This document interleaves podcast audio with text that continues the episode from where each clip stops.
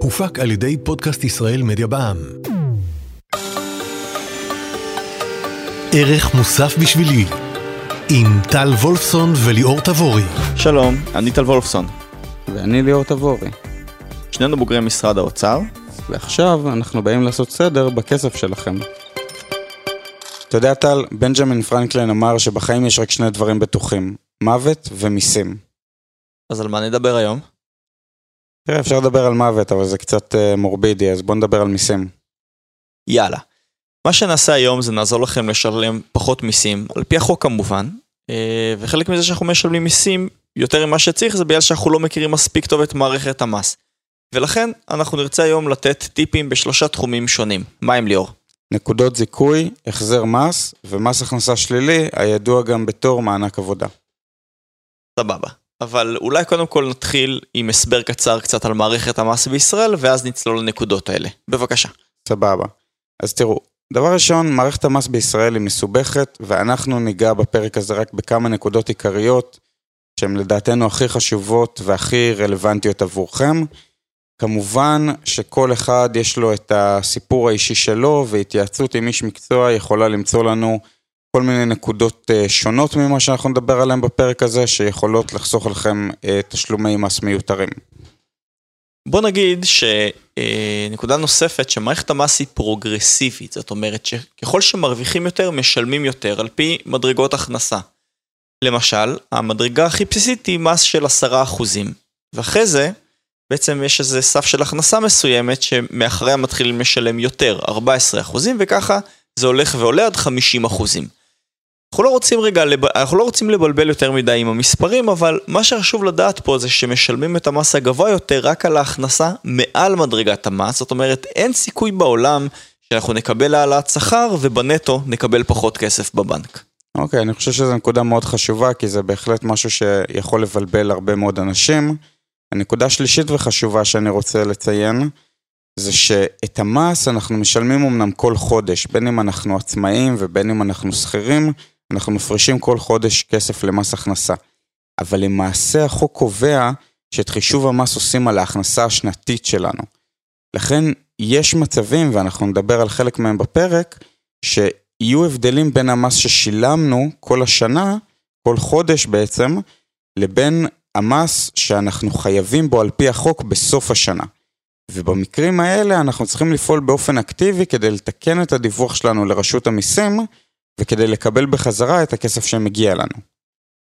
אוקיי, סקרנת אותי. אני מציע שנצלול לנקודות העיקריות שלנו, אה, כשהנקודה הראשונה היא נקודות זיכוי. קודם כל, אם אפשר לסכם את זה במשפט, נקודות זיכוי זה בעצם הטבת מס שהמדינה נותנת לכל העובדים. ש, וזה חשוב לזכור, לקבוצות מסוימות ההטבות הן גדולות יותר, לנשים, לחיילים משוחררים, לבוגרי תואר אקדמי ועוד. מה שהנקודות עושות הן בעצם מקטינות לנו את חוות, חבות המס.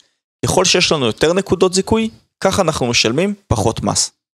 אוקיי, okay, אז בוא ניתן איזושהי דוגמה כדי להמחיש את זה, כי אני מרגיש שזה טיפה אה, דיבורים באוויר עד עכשיו. בעצם כל נקודה שווה אה, כמעט אה, 2,600 שקל בשנה, אמרנו שתשלום המס מבוצע על בסיס שנתי. שכל תושב ישראלי זכאי לפחות ל-2.25 נקודות זיכוי, כלומר בערך 5,800 שקל בשנה.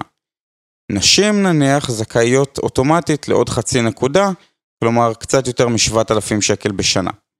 עכשיו חשוב לציין שמי שנהנה מנקודות הזיכוי זה אך ורק מי שמשלם מיסים כמובן למס הכנסה.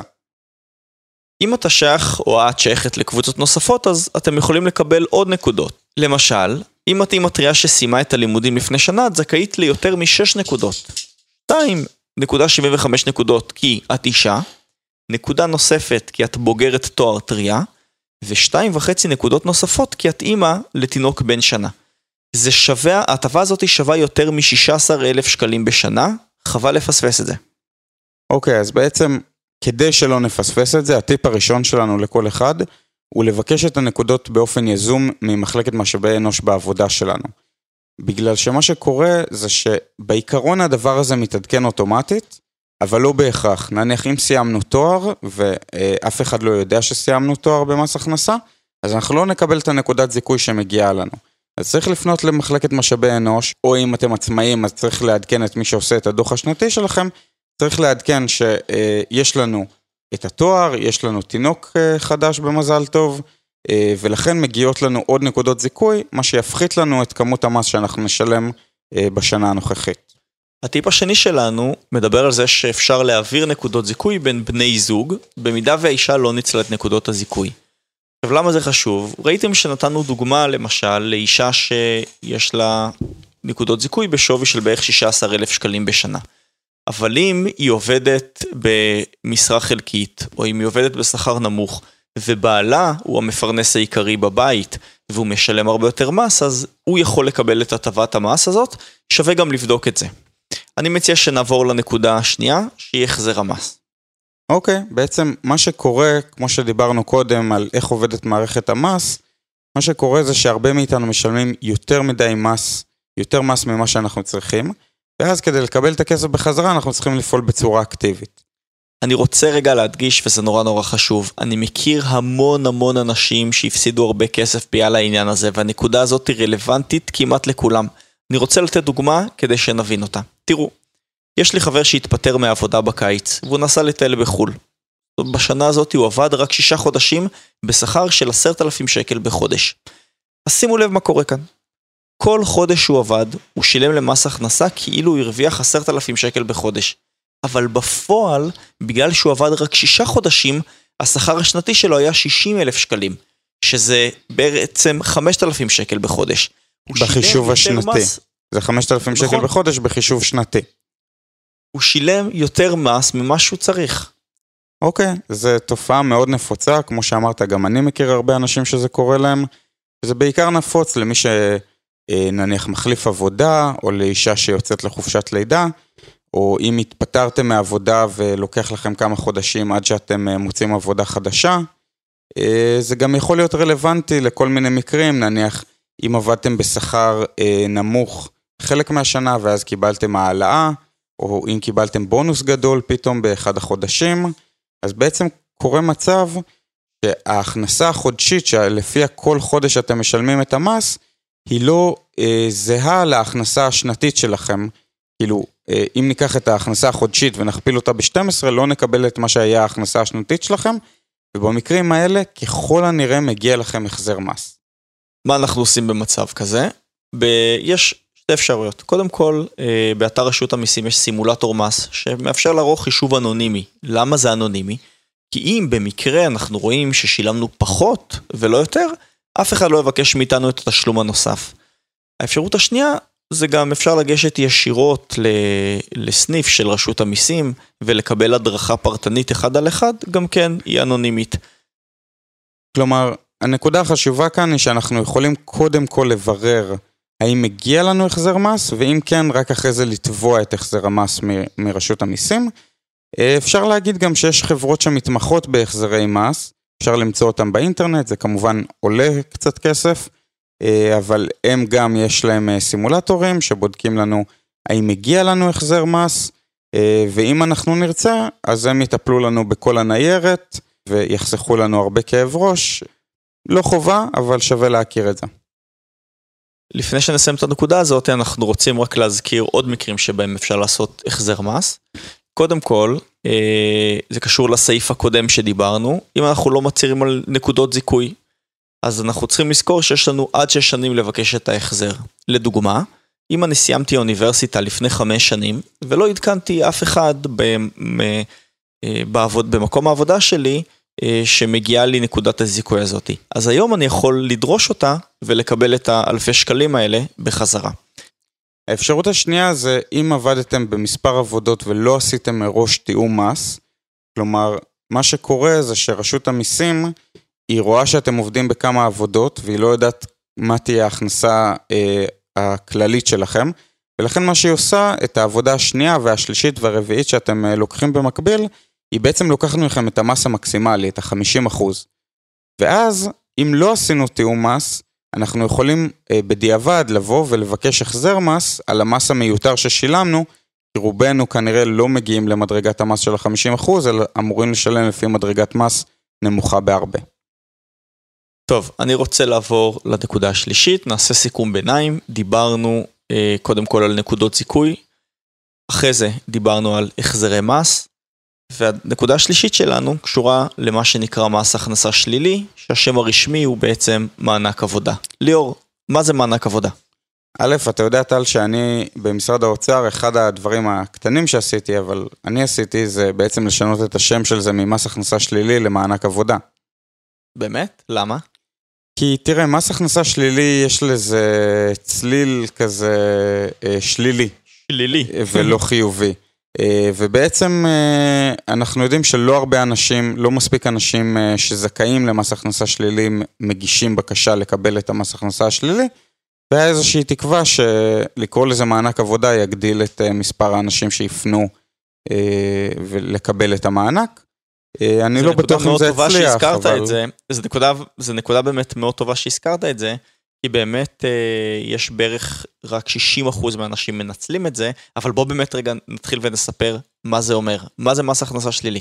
אוקיי, okay, מס הכנסה שלילי זה בעצם איזשהו בונוס, איזושהי תוספת הכנסה, שמשולמת לנו על ידי רשות המיסים ישירות לחשבון הבנק, אם אנחנו עומדים בקריטריונים מסוימים שאנחנו כבר אה, נגיד אותם.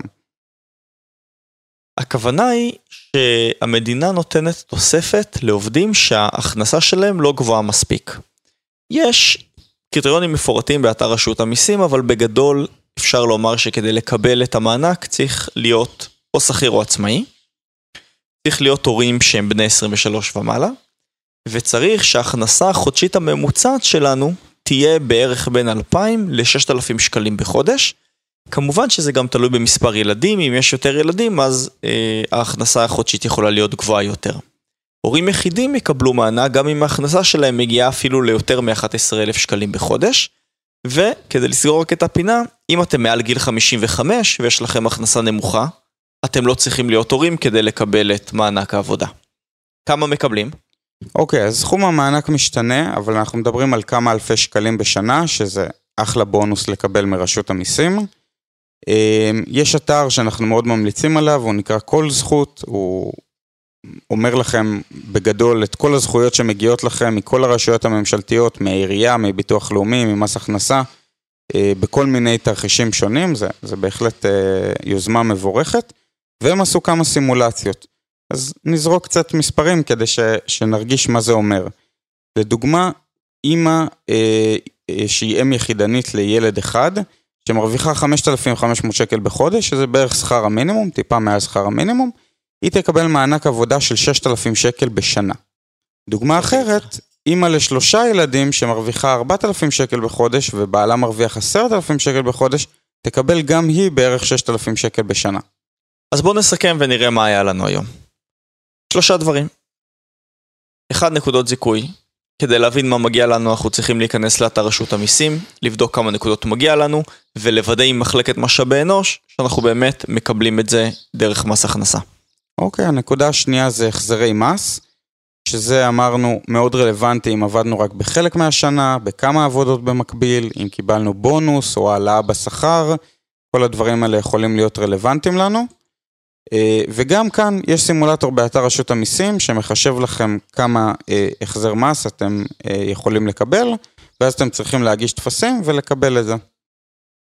הנקודה השלישית היא קשורה למענק עבודה, מס הכנסה שלילי.